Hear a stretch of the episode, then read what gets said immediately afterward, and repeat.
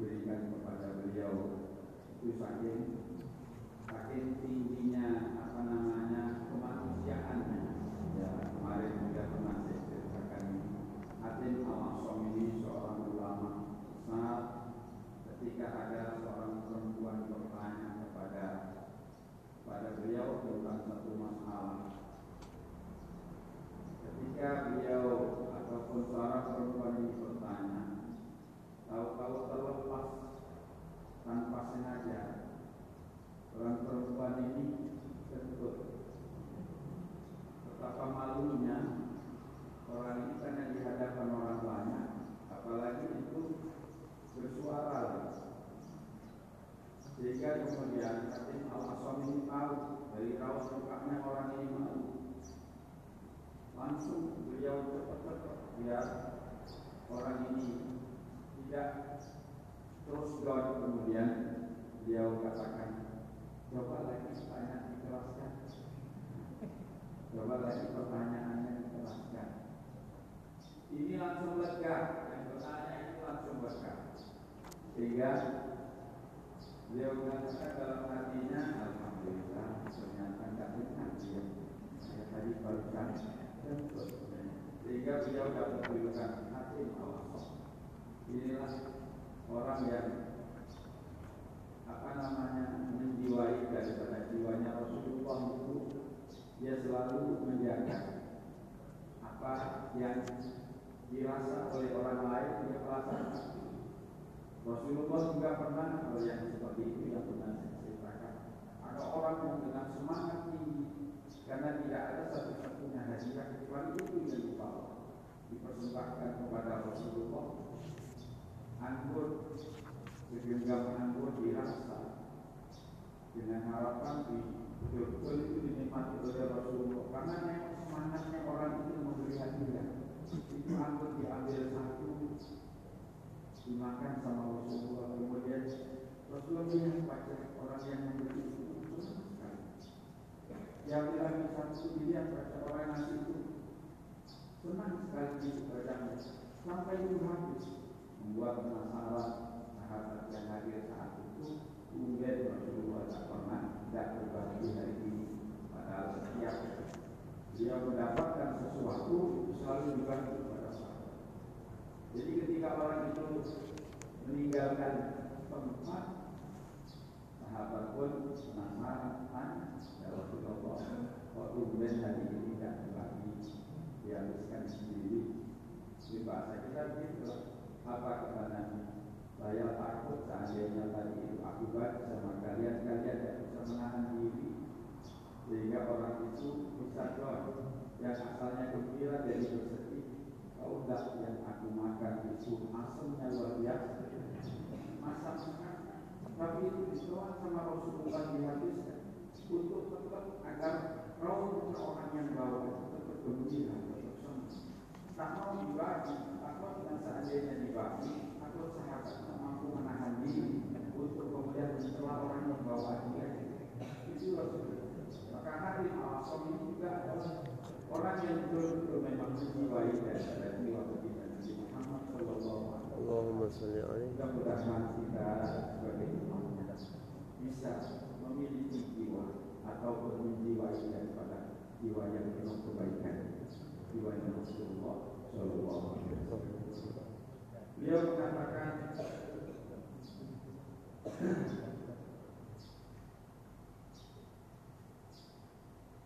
Man isya'a arba'ah Barang siapa mengaku memiliki empat sifat Bismillah sifatnya Bila arba'ah Dengan tanpa empat.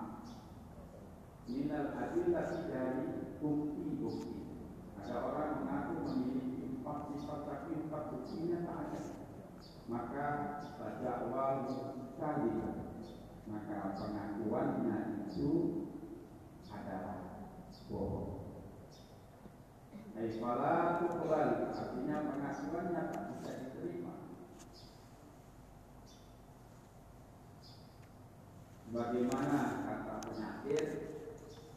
Kama qala ba'dhum min ba'dil tafsir sebagaimana dapat sebagian ulama dalam sihir ini.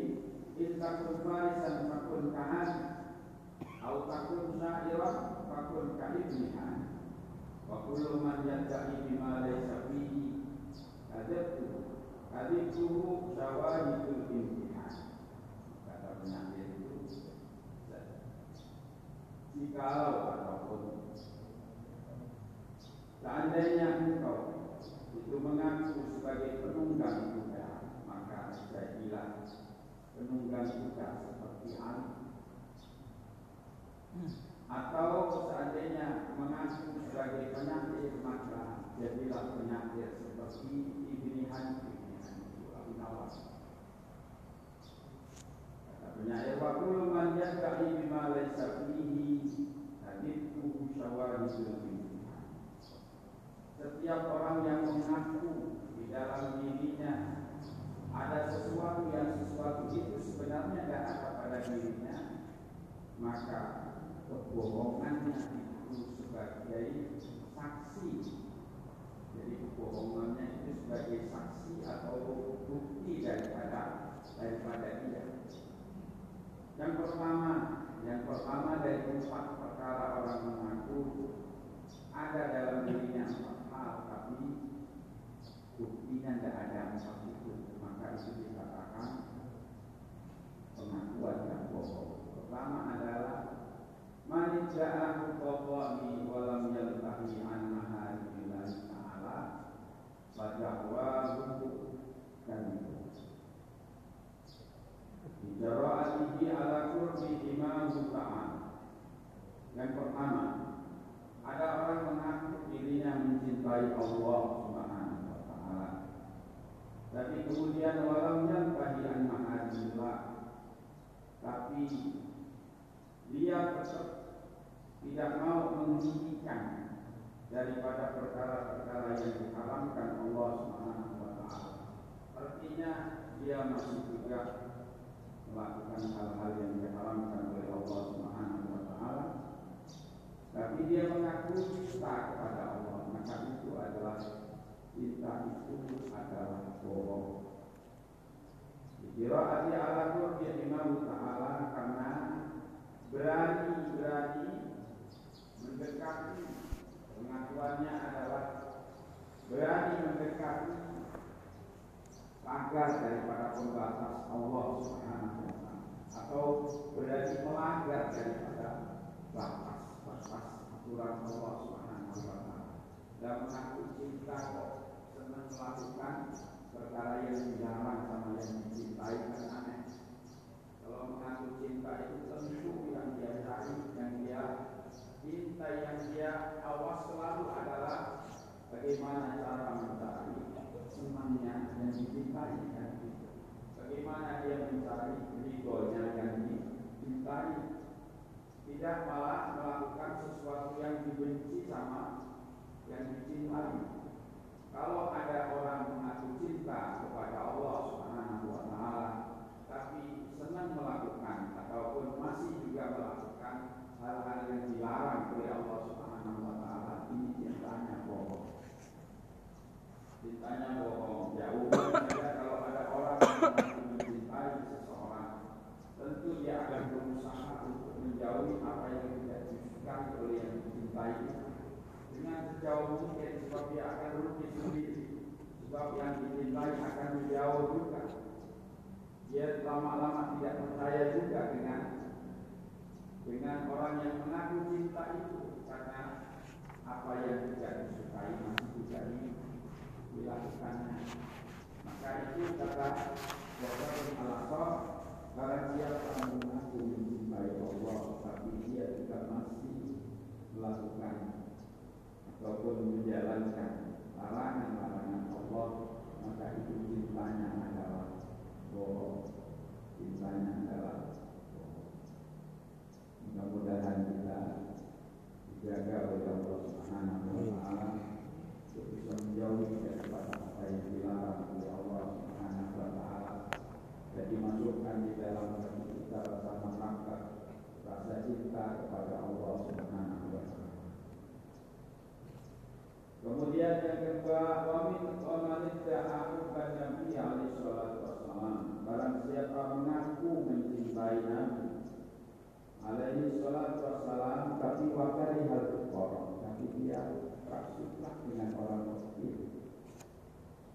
Wakari ada benci orang tersebut al-fuqara kepada orang-orang fakir.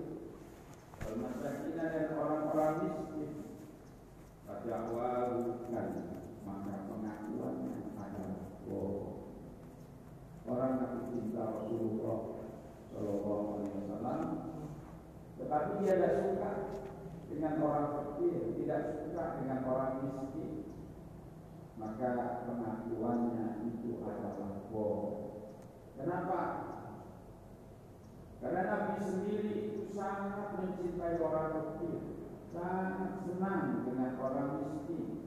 Sampai ada doa Rasulullah itu yang bunyinya itu kalau diterjemah ringannya itu mungkin tidak ada orang yang mau ngamalkan ada doa Allahumma miskin.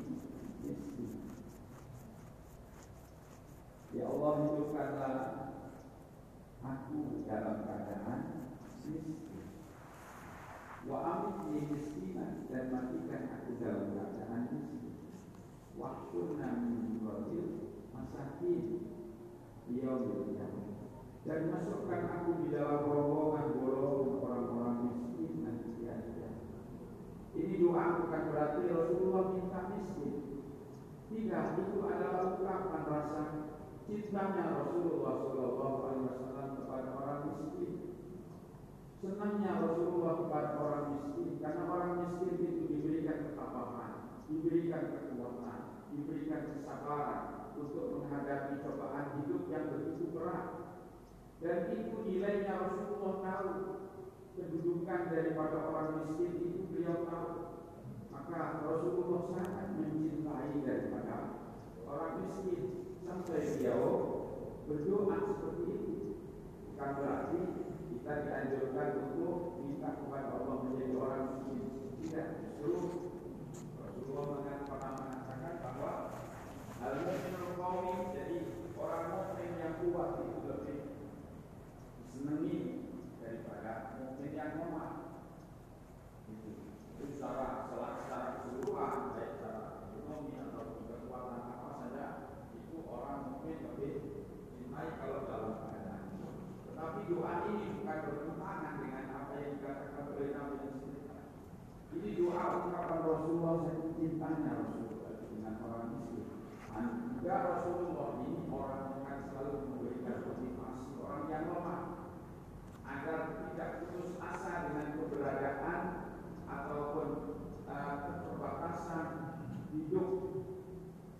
Rasulullah beri motivasi, Rasulullah beri semangat dengan dengan doa. Dan juga Rasulullah bukan orang yang miskin. Rasulullah sendiri itu bukan orang yang miskin. Rasulullah itu orang yang ya kalau mau Rasulullah lebih kaya daripada semuanya. Itu Rasulullah, tapi Rasulullah itu mempunyai gaya hidup yang sederhana. Bukan berarti Rasulullah miskin. Seandainya Rasulullah mau semuanya dikasih ini sebab hanya gaya hidup Rasulullah itu dengan gaya hidup Bayangkan seorang anak muda umur 25 tahun menikahi dengan Khadijah.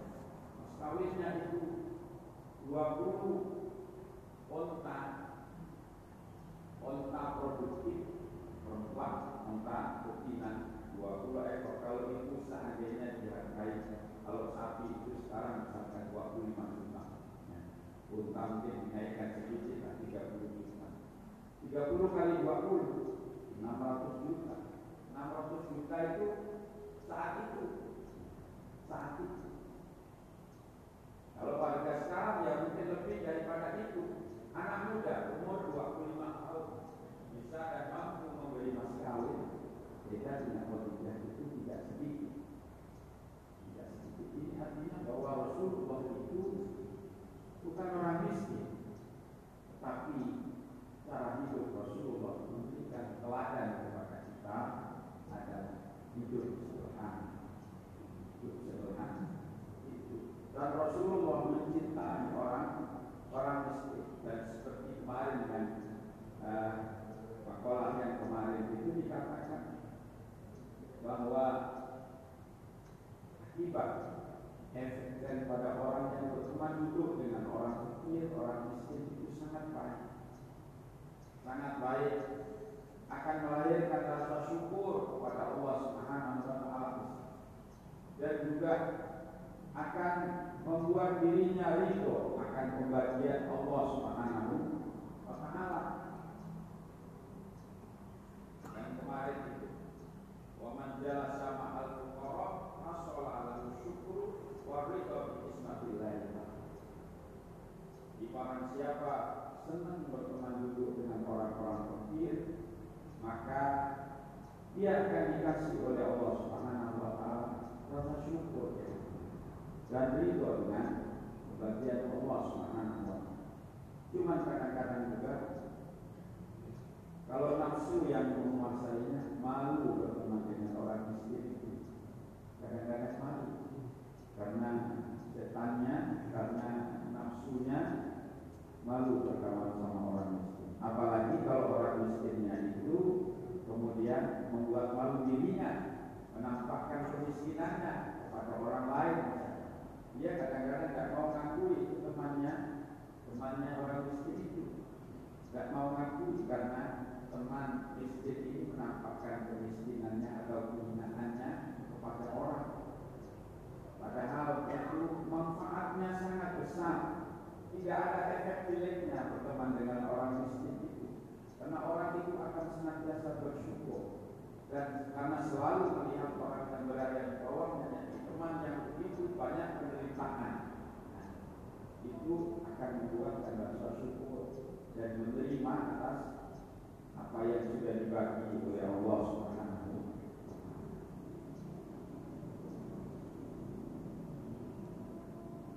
Pada waktu tadi, maka orang yang mengaku mencintai Rasulullah Shallallahu Alaihi Wasallam, tetapi dia tidak mencintai orang fakir atau benci pada orang fakir dan orang miskin, maka pengakuannya itu adalah bohong. Sebab li'annahu ahbabu Orang-orang miskin itu adalah orang-orang yang dicintai oleh Rasulullah Sallallahu Alaihi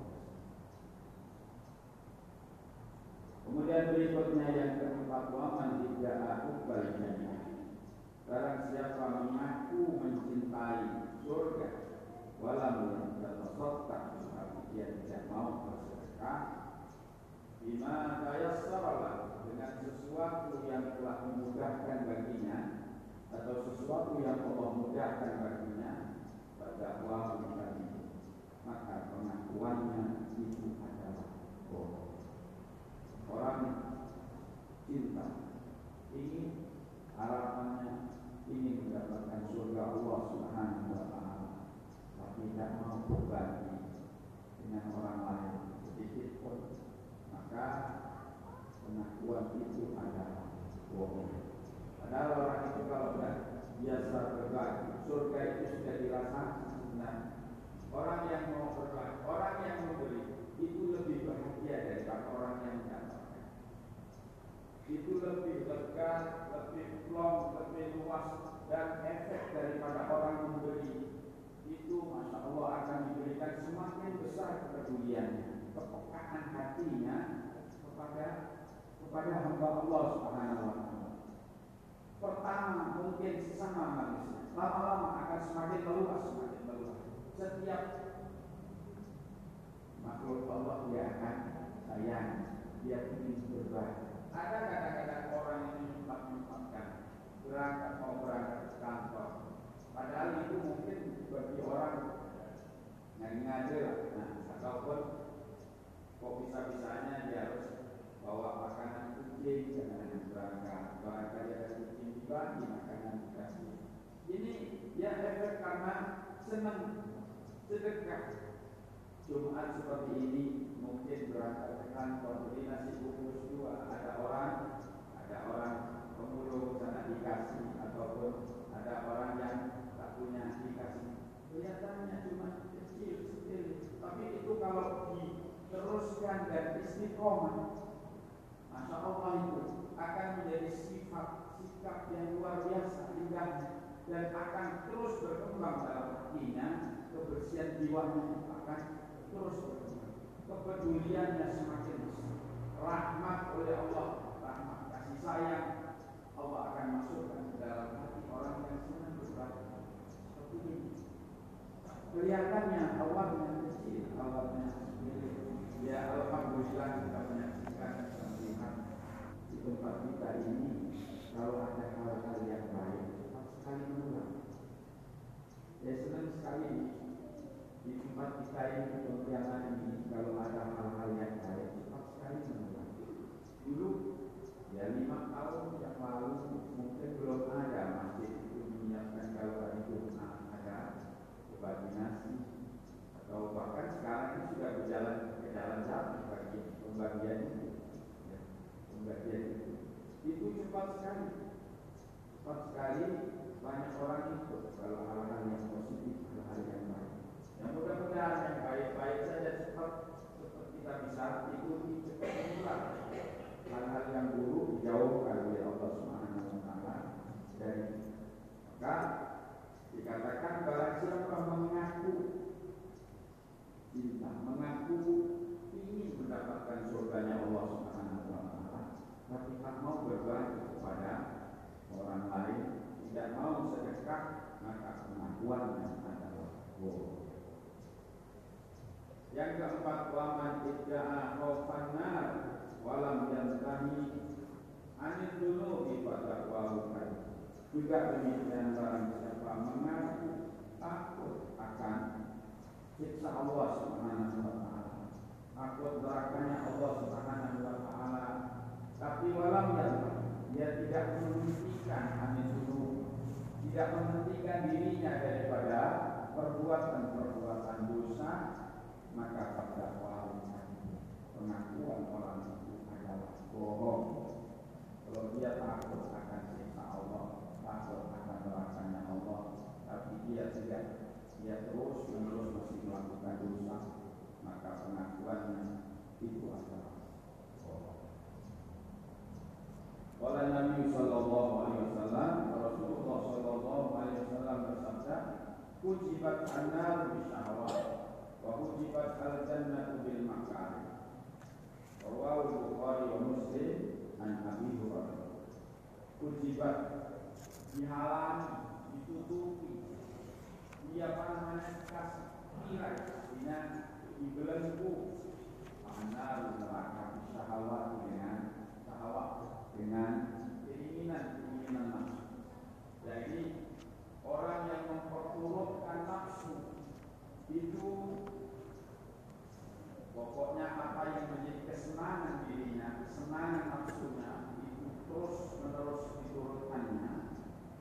itu akan menggelapkan hatinya, menggelapkan sehingga tak sadar dibalik daripada kesenangan-kesenangan itu ada ancaman yang yang di belakangnya itu ada ancaman bagi dirinya. Itu tidak terlihat terhijab oleh syahwat terhijab oleh apa-apa yang menjadi kesenangan daripada nafsu. Pokoknya semuanya menyenangkan, semuanya menyenangkan, awal-awal. Dan itu tak disadari semakin besar orang memperburukkan daripada hawa nafsunya, semakin tebal hijabnya, semakin tak terlihat ada ancaman di belakangnya, ada siksa di neraka di belakangnya. Dan musuh terbesar kita tidak di luar daripada kita, tetapi musuh itu ada bersama apa itu nafsu diri kita sendiri makanya Rasulullah mengingatkan ketika beliau pulang dari orang yang paling besar dalam sejarah Rasul mengatakan kerjanya min jihadil aswar ila jihadil akbar kita baru saja pulang dari jihad kecil padahal itu adalah jihad yang paling besar dalam sejarah. Tidak jihadil akbar menuju jihad yang besar. Jihad apa itu? Jihad melawan diri sendiri. Jihad melawan hawa nafsu, keinginan-keinginan nafsu. Sedangkan yang biasa saya sampaikan itu ada luar, ada dalam. Diri ini ada lahir, ada batin. Yang paling menarik, semuanya ingin dipuaskan. Semuanya ingin dipuaskan. Doa ini, lahiriah ini menarik kita untuk senang ke dunia karena memang kita ini ada unsur materinya.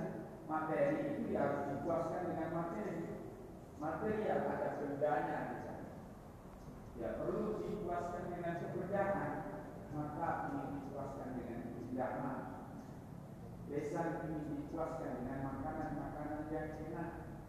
Telinga ingin dipuaskan, tangan kaki semua ingin dipuaskan.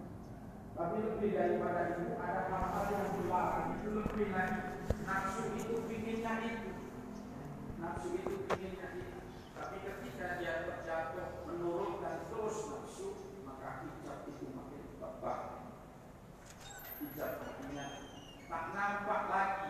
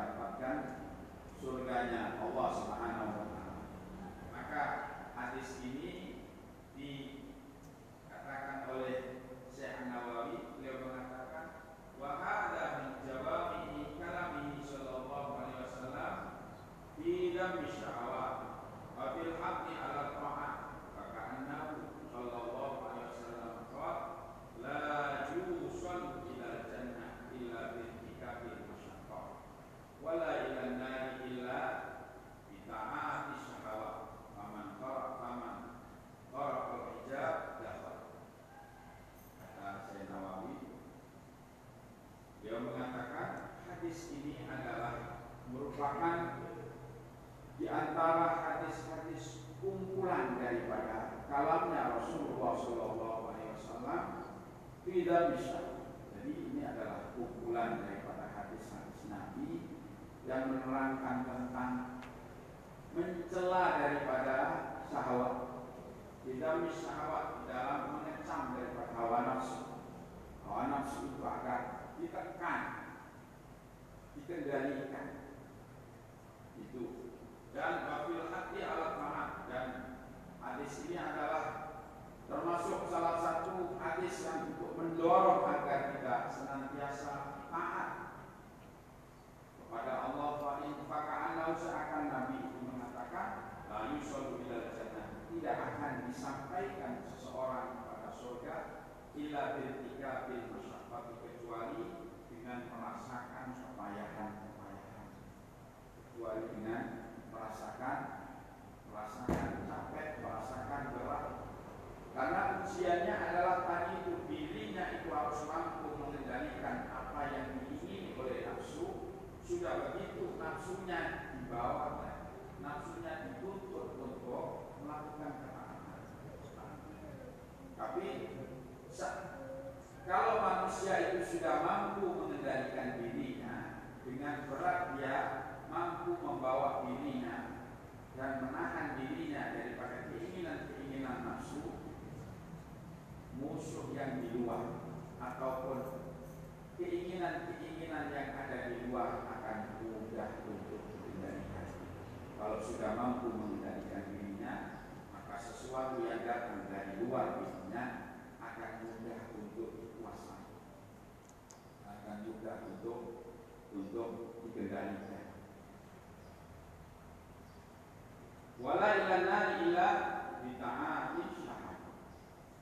Jika begitu, tidak akan dia orang itu masuk ke dalam nerakanya Allah kecuali orang yang terus menerus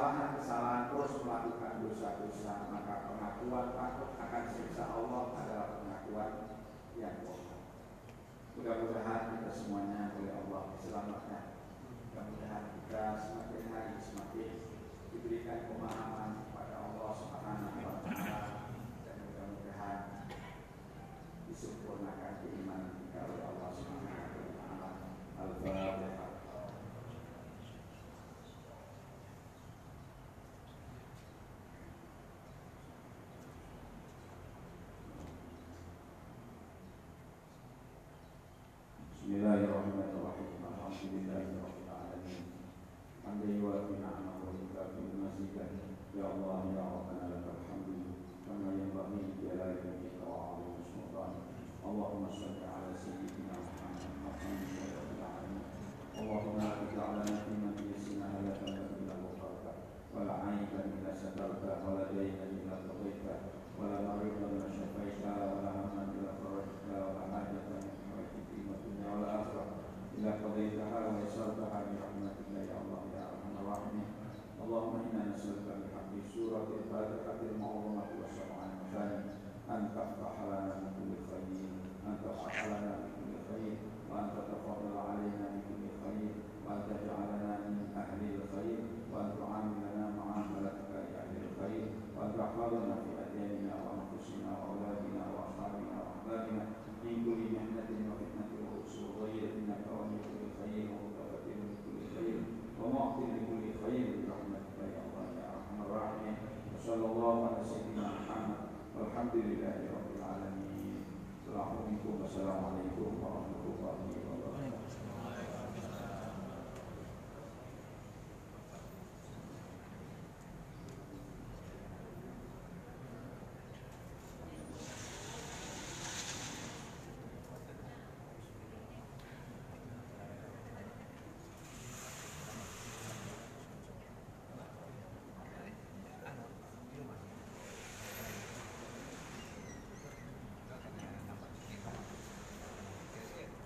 الكذب ولا ظالمات بسبب الكفر والدين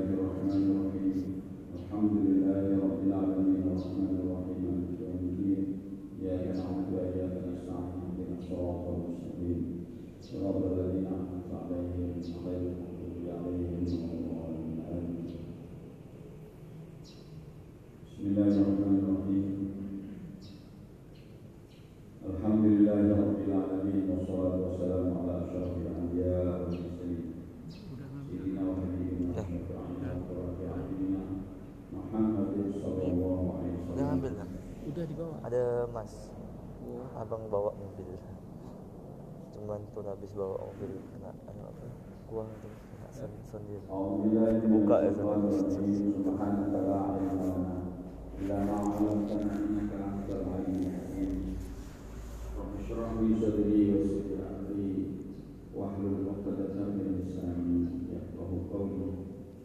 Alhamdulillah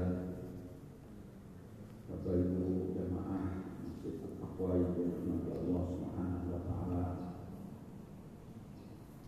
Kita bersyukur kepada Allah Subhanahu wa taala setiap saat nikmat Allah masih tetap diberikan kepada kita mudah-mudahan kita senantiasa menjadi hamba yang selalu bersyukur kepada Allah Subhanahu wa taala. Salawat dan salam semoga tetap tercurah kepada junjungan kita baginda Rasul Muhammad sallallahu alaihi wasallam. Alhamdulillah Bapak Ibu yang dirahmati Allah Subhanahu. Kacamata juga tidak fokus, bukan kacamata yang salah. Ya, ini kacamata yang banyak dosa, tidak kelihatan. Baca Quran, hafal dengan duduk, kalau ini tidak dapat. Alhamdulillah. Bismillahirrahmanirrahim. Wal maqalatu al-khamisata asyara. Maqalah yang berikutnya yang ke-15 itu anin Nabi diriwayatkan dari baginda Nabi Muhammad sallallahu alaihi wasallam. Annahu Sesungguhnya Rasulullah bersabda Beliau mengatakan alamatus syaqawah arba'atun minal umur Alamatus syaqawah adapun tanda-tanda daripada celaka Tanda-tanda orang itu celaka Alhamdulillah mudah-mudahan kita diselamatkan oleh Allah Subhanahu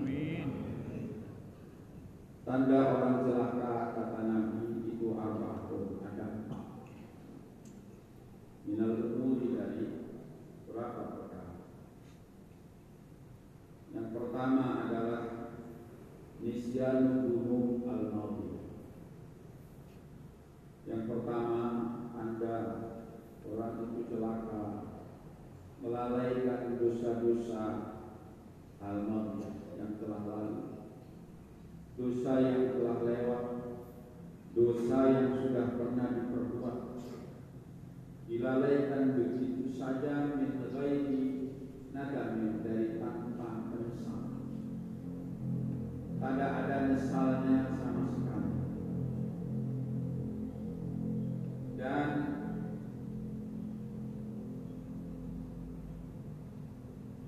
ini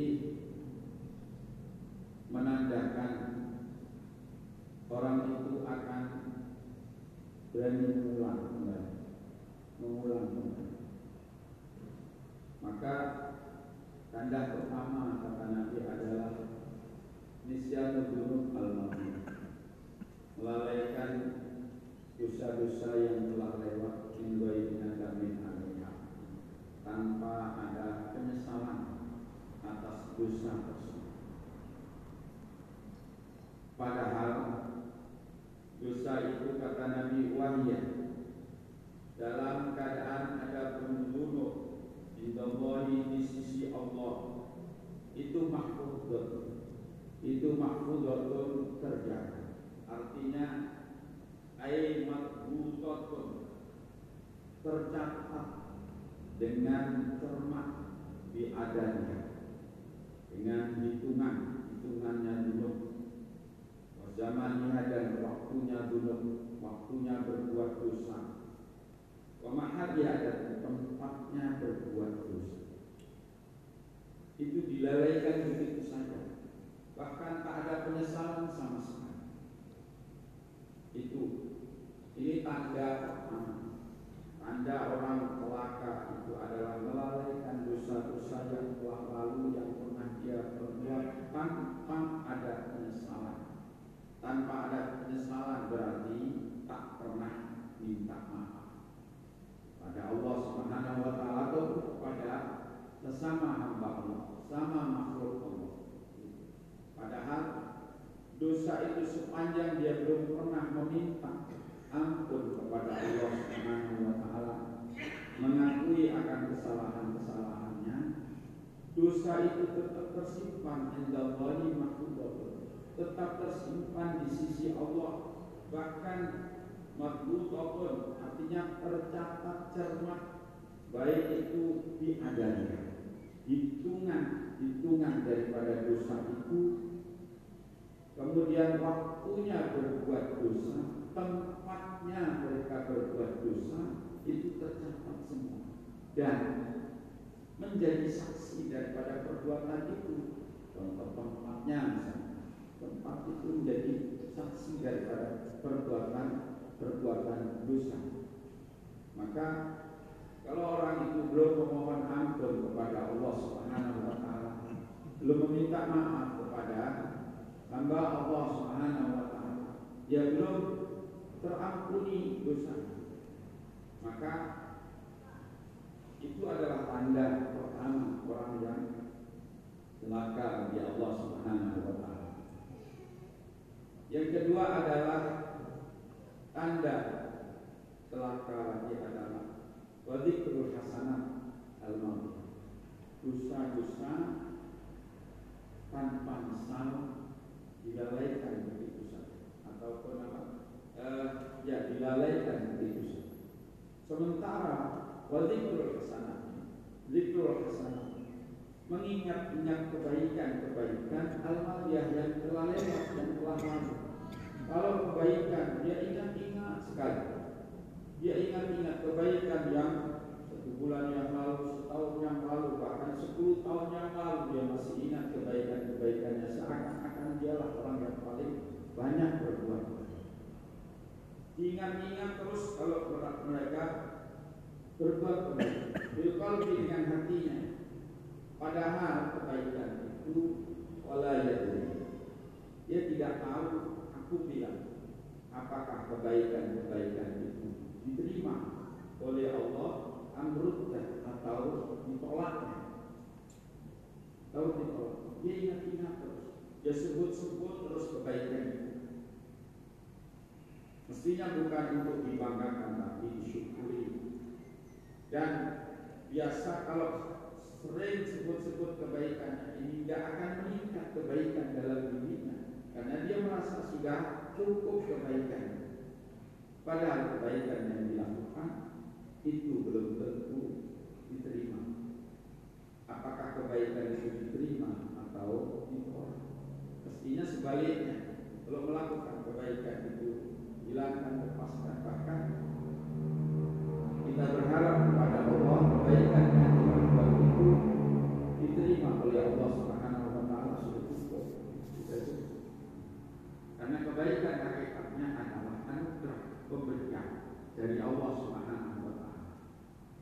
Yang sering kita sampaikan bahwa kebaikan itu yang kita timbul dari diri kita, bukan diri kita yang mampu melakukan kebaikan itu. Yang maha baik itu yang menampakkan kebaikan dalam tubuhnya kita. Mestinya kita harus bersyukur nisbatnya tubuh ini masih banyak kekurangan, banyak kesalahan, tetapi oleh Allah masih dipakai oleh Allah untuk menampakkan kebaikan. Maka tidak ada bangga mestinya di dalam diri itu ketika ada kebaikan dalam diri kita. Karena kebaikan hakikatnya dari Allah Subhanahu wa taala. Mestinya harus syukurnya yang ditambah dan kemudian harapannya untuk diterima oleh Allah Subhanahu wa taala. Mestinya yang harus dibesarkan. Maka tanda yang kedua orang yang celaka adalah nyebut-nyebut, ingat-ingat kebaikan-kebaikan yang lalu dia tidak mengerti apakah kebaikan itu diterima atau ditolak.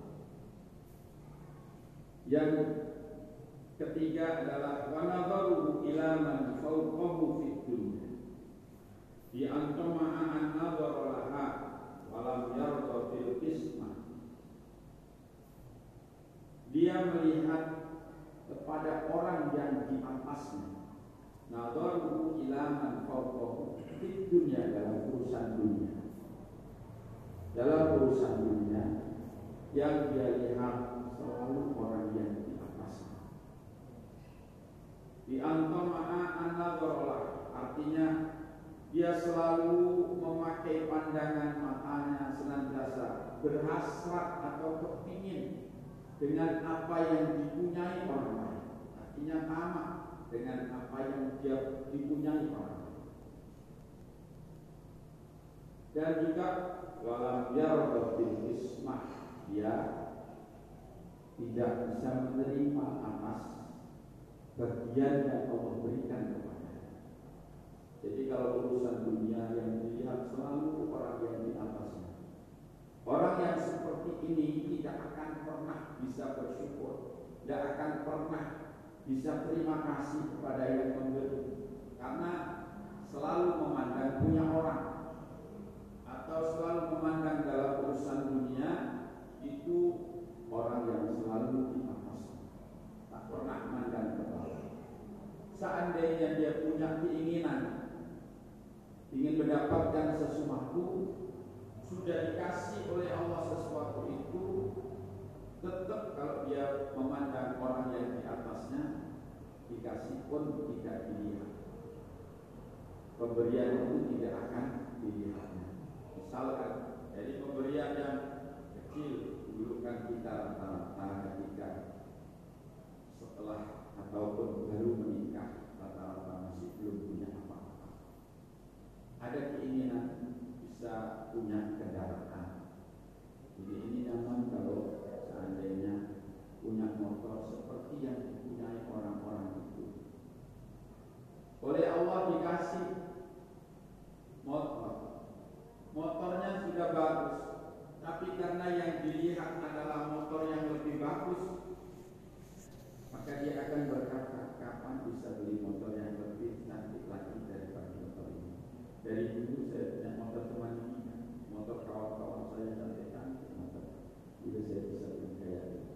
motor yang dia punya tak kelihatan itu dari Allah tak kelihatan itu pembelinya kalau toh dia sudah dikasih motor yang diharapkan itu, dia tetap tak akan pernah bersyukur karena yang dilihat orang yang punya mobil.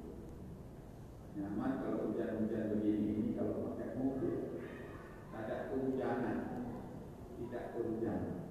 Seandainya nanti orang itu dikasih mobil, tidak akan terima kasih. Mungkin akan melihat mobil yang lebih cantik daripada mobilnya. Begitu terus karena yang dimandang orang yang selalu sampai dikasih mobil bagus pun tak terlihat itu mobil pemberian dari Allah.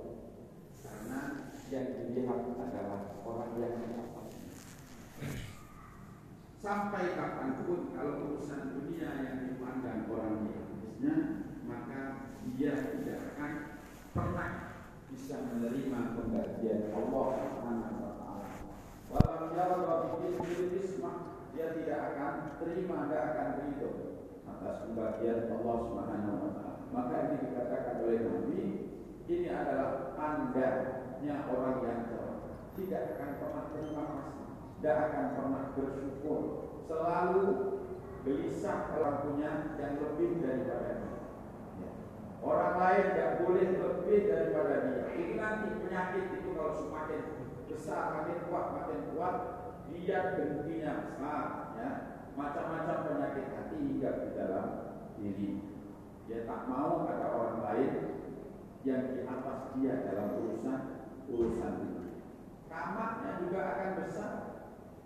Tamaknya juga akan besar. Itu makanya oleh Rasulullah dikatakan ini adalah bagian daripada tanda orang yang yang. Tetapi wa nadharuhu ila man tunahu Tapi yang keempat dalam urusan agama dia pandang orang yang di bawahnya. Dalam urusan agama dia pandang orang yang di bawahnya. Ai al-amal salihi wa lam yashkurillah ala ni'ami amali Itu yang dia selalunya. Sehingga tidak ada peningkatan di dalam ibadah, tidak ada peningkatan. Karena yang dilihat adalah, wah saya sudah cukup seperti ini, sudah luar biasa, bagus, sudah. Tidak pernah melihat ibadahnya orang yang lebih di atas dirinya. Kata Allah, orang seperti ini, Yaqulullahu aradtuhu Allah berfirman, "Amartu aku inginkan dia." Nah, aku inginkan dia biman iya an dunia. Aku inginkan dia dengan cara aku halangi dia dari dunia. Maksudnya Allah halangi dia dari dunia supaya dia balik kepada Allah Subhanahu wa taala, supaya dia meningkat ibadahnya, tetapi dia malah sebaliknya. Wa i'anati iyyahu ala dan aku tolong dia untuk bisa melakukan tapi kata Nabi walam yuridni tapi dia tidak menginginkan yakni ridho wa syukri dengan ridho dan syukur maka fataroktu maka aku tinggalkan dia. Yakni bitarki nusrat artinya Allah tidak akan menolongnya. Itu tanda daripada orang yang celaka kata Nabi ada sebab yang pertama. Dia melalaikan dosa-dosa yang telah lewat tanpa ada penyesalan tanpa permohonan maaf permohonan ampun kepada Allah Subhanahu wa taala. Padahal dosa itu masih tersimpan di sisi Allah Subhanahu wa taala. Masih tercatat dengan norma baik tempatnya, hitungannya, waktunya itu. Yang kedua adalah tanda orang celaka. Berikutnya adalah dia selalu mengingat-ingat kebaikan yang pernah dia buat padahal kebaikan itu dia tidak tahu kebaikan itu diterima atau ditolak. Yang ketiga orang itu memandang dalam urusan dunia selalu yang dipandang orang yang di atasnya. Sementara dalam urusan agama yang dipandang orang yang di bawah maksudnya di bawahnya ini dalam urusan ibadah ibadah artinya dia merasa sudah cukup dengan ibadah yang ada tak pernah melihat ibadahnya orang yang di atasnya semangat ibadahnya orang lain tak pernah dipandang kelebihan orang lain dalam urusan agama atau dalam urusan ibadah tidak dilihatnya sehingga bisa memotivasi dirinya untuk bisa lebih baik, lebih baik itu tidak pernah dipandang. Padahal kadang-kadang oleh Allah dunia itu dihalangi dari dirinya itu karena sayangnya Allah. Bisa jadi ketika dia dikasih oleh Allah kemewahan dunia, diberi kelancaran dalam urusan dunia, tapi lupa dari yang memberi, lupa pada Allah Subhanahu wa taala. Maka kemudian Allah kurangi. Allah kurangi bukan karena Allah tidak sayang kepadanya. Justru itu karena sayangnya Allah. Itu kata Allah Biman iyyahu Aku inginkan dia dengan cara aku halangi dia dari dunia. Tetapi wa'i'an dan aku tolong dia untuk usaha. Kan kadang kalau orang sudah dikasih uh, longgar, kemudian pekerjaannya tak sesibuk hari kemarin, akhirnya oleh Allah, akhirnya kadang-kadang kita sempat bisa ke masjid, bisa berjamaah, bisa melakukan hal-hal yang tadinya sebelumnya itu tak bisa. Ini harusnya bersyukur kepada Allah Subhanahu wa taala. Itu hikmahnya adalah mungkin Allah mengembalikan kita kepadanya. Maka kita harusnya bersyukur. Ada orang itu ketika pekerjaannya dikurangi tidak diambil sepenuhnya oleh Allah, dikurangi saja. Tapi gelisahnya makin tinggi sehingga stresnya makin makin luar biasa. Tapi ada satu sisi lagi orang yang dikurangi pekerjaannya, kesibukannya oleh Allah, tapi aktifnya di masjid makin makin kuat. Ada orang seperti ini, ada juga. Ada orang yang pekerjaannya semakin berkurang, stresnya bertambah. Akhirnya bukan lari ke masjid, bukan, bukan lari berdoa, bukan lari kepada Allah, tapi tempat-tempat maksiat untuk menghilangkan stresnya. Alhamdulillah, alhamdulillah. Mudah-mudahan kita dijauhkan oleh Allah Subhanahu wa taala dari hal Itu tanda daripada orang yang celaka. Sebaliknya Rasulullah Shallallahu Alaihi Wasallam bersabda, alamat sa'adah arba'ah. Sedangkan tanda daripada orang yang beruntung, orang yang berbahagia itu juga ada empat perkara. Apa itu ya kebalikan dari yang tadi? Yang pertama adalah zikrul zikrul dulu al Inna jami wal istighfar. Selalu mengingat dosa-dosa yang telah lalu dengan penuh penyesalan dan permohonan ampun. Setiap waktu dia nyesal, setiap waktu dia bertobat, setiap waktu dia merasa dirinya banyak salah kepada Allah Subhanahu wa taala. Banyak salah kepada hamba-hambanya Allah kepada makhluknya Allah. Itu yang senantiasa hadir di dalam dirinya sehingga senantiasa dia beristighfar. Senantiasa dia meminta ampun kepada Allah Subhanahu wa taala. Selalu dia selalu hadir di dalam hatinya itu kesalahan akan matanya, kesalahan telinganya, kesalahan lidahnya, kesalahan tangannya, itu dia ingat Ini tanda orang baik, tanda orang baik itu adalah yang ditampakkan oleh Allah Subhanahu wa taala adalah aib dirinya, bukan aib orang lain. Orang yang baik itu semakin dia tinggi ibadahnya, semakin dekat kepada Allah Subhanahu wa taala, dia semakin hina, dia merasa hina, merasa banyak salah, banyak kekurangan, sehingga yang hadir di dalam dirinya adalah selalu aib dirinya, selalu mengoreksi aib dirinya, baik aib dohir, aib batin itu selalu dikoreksinya. Ini tanda orang yang akan mendapatkan kebahagiaan. Selalu mengingat akan dosa-dosa yang telah lalu binadami dengan penyesalan, wal istighfar dan istighfar dan mohon ampun pada Allah Subhanahu wa taala. Kemudian wanisyan wanisyanul hasanat al sebaliknya. Tanda orang yang bahagia berikutnya adalah melalaikan kebaikan-kebaikan yang telah lalu, yang telah lewat. Ka'annaha lam min seakan-akan hasanat itu, kebaikan-kebaikan itu tak pernah terjadi dari diri. Dia melakukan banyak kebaikan. Orang menyaksikan, melihat di mana ada kebaikan, di situ ada dia. Tak pernah dia absen, baik itu jamaahnya, sholat sunnahnya, puasanya, sedekahnya, pokoknya di mana ada kebaikan, ada dia. Tapi dirinya sendiri itu selalu melalaikan kebaikan yang dia buat.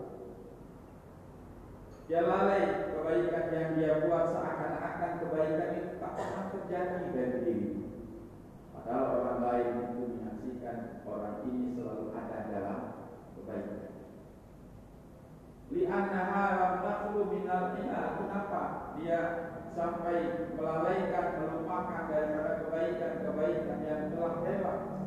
Karena di annaha la takhlu karena hasanat itu, kebaikan-kebaikan itu tidak pernah lepas daripada hilang, daripada cacat, daripada kekurangan-kekurangan.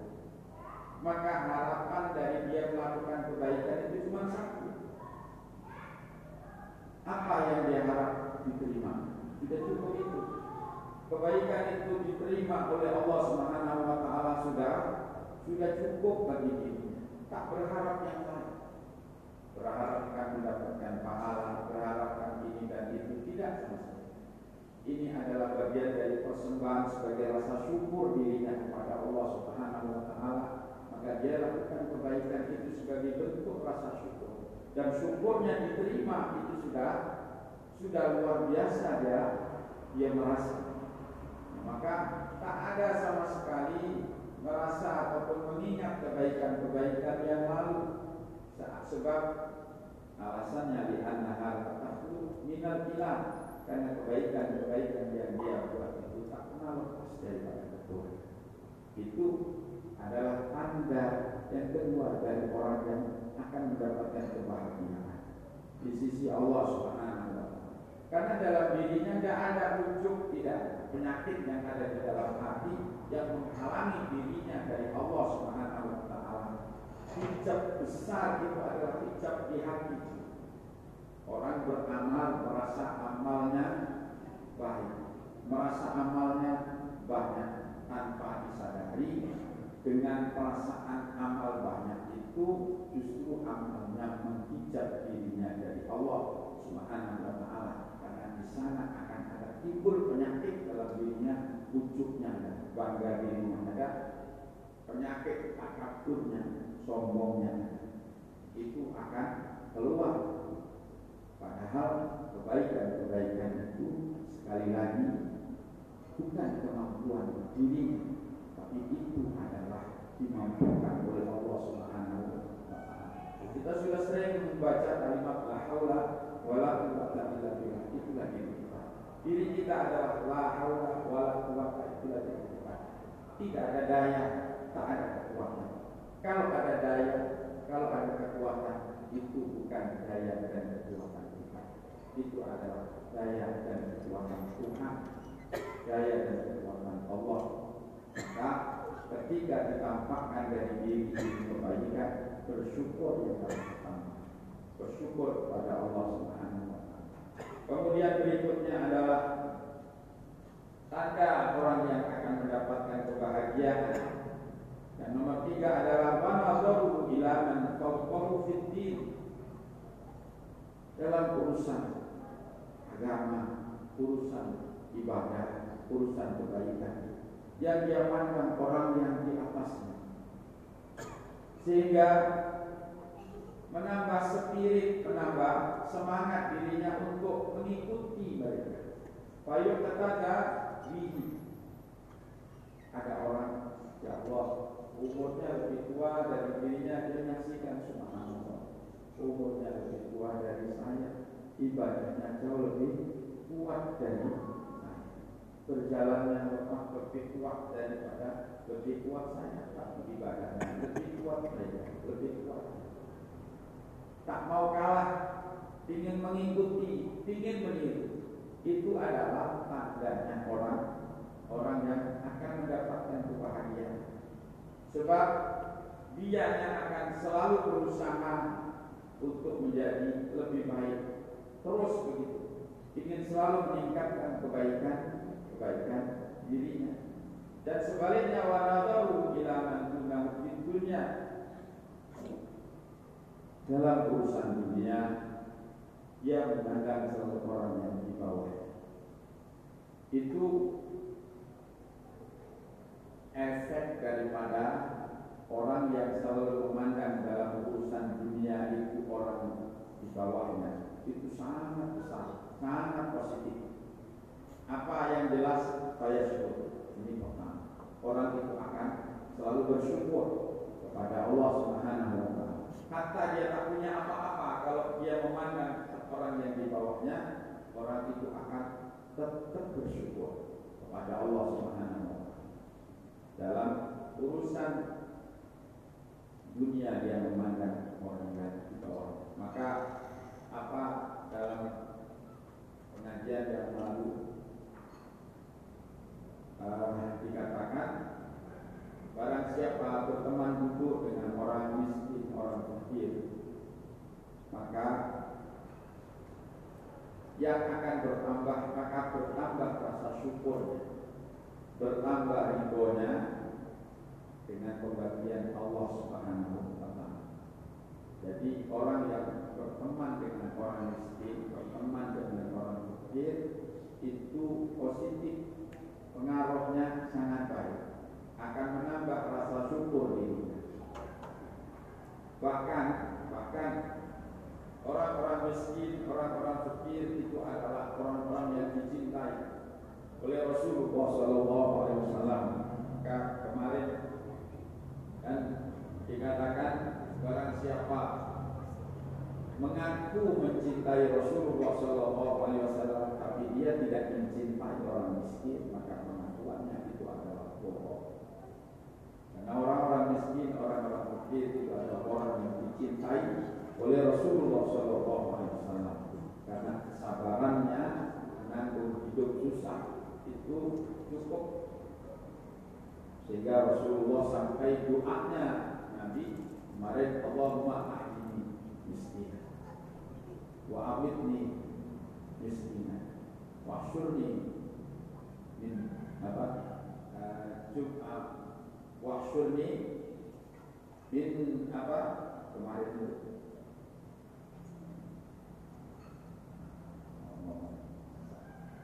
Bilanya ya Allah hidupkanlah aku dalam keadaan Matikan aku dalam keadaan Dan kumpulkan aku bersama dengan orang-orang miskin.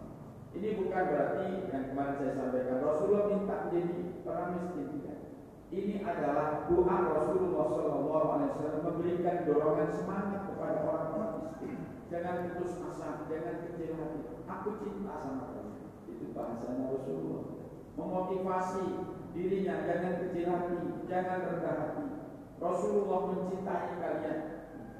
Itu sehingga orang yang apa namanya miskin tidak kecil hati. Dan itulah dampak orang yang selalu kumpul dengan orang-orang yang tidak punya itu syukurnya akan bertambah. Makanya dikatakan orang melihat seseorang dalam urusan dunia orang yang di bawahnya maka syukurnya akan bertambah dan akan menerima atas pembagian Allah Subhanahu wa taala.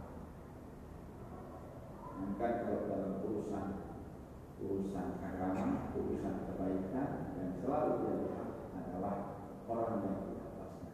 Ini tanda orang yang mendapatkan kebahagiaan dari Allah Subhanahu. Jadi empat andanya orang yang bahagia ataupun orang yang akan selamat. Yang pertama itu adalah dia senantiasa ingat akan dosa-dosa yang lalu dengan penuh penyesalan dan selalu beristighfar kepada Allah Subhanahu wa taala. Yang kedua, kebaikan-kebaikan yang pernah dia buat dia lalaikan begitu saja bahkan dia merasa tak pernah terjadi kebaikan itu dari dirinya karena menganggap bahwa kebaikannya masih banyak kekurangan. Harapannya dari kebaikan itu cukup diterima oleh Allah. Memandang orang lain dalam urusan agama dalam urusan kebaikan adalah orang yang di atasnya sehingga menambah gairah untuk lebih semangat melakukan kebaikan. Dalam urusan dunia yang dipandang adalah orang yang di bawah sehingga membuahkan rasa syukur dan menerima apa yang telah dibagi oleh Allah Subhanahu wa taala. Kepada mudah-mudahan oleh Allah Subhanahu wa taala. Kita dijadikan hamba-hamba yang dibahagiakan oleh Allah Subhanahu wa taala dengan keadaan yang padanya yang saat ini kita terima dari Allah Subhanahu wa taala. Karena hanya orang yang bersyukur yang akan mendapatkan kebahagiaan dan seterusnya. Bapak Ibu yang dirahmati oleh Allah Subhanahu wa taala. Tidak ada penderitaan yang abadi. Juga tidak ada kebahagiaan yang abadi. Tetapi bagi orang yang pandai bersyukur, maka selamanya dia akan merasakan bahagia. Sekali lagi tidak ada penderitaan yang abadi. Tidak ada kebahagiaan abadi. Tetapi bagi orang yang pandai bersyukur dia akan terus merasakan bahagia.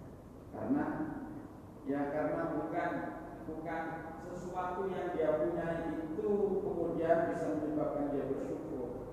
Tapi bersyukur itulah yang dia akhirnya merasa punya apa apa saja dalam dirinya. Karena dari syukur itu yang dibesarkan dalam dirinya, maka dia akan merasakan nikmat yang begitu banyak dan begitu besar.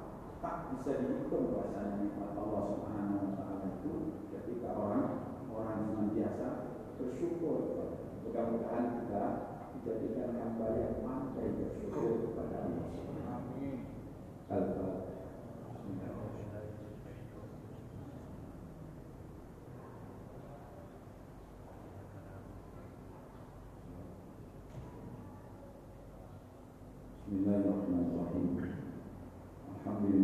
in Ireland.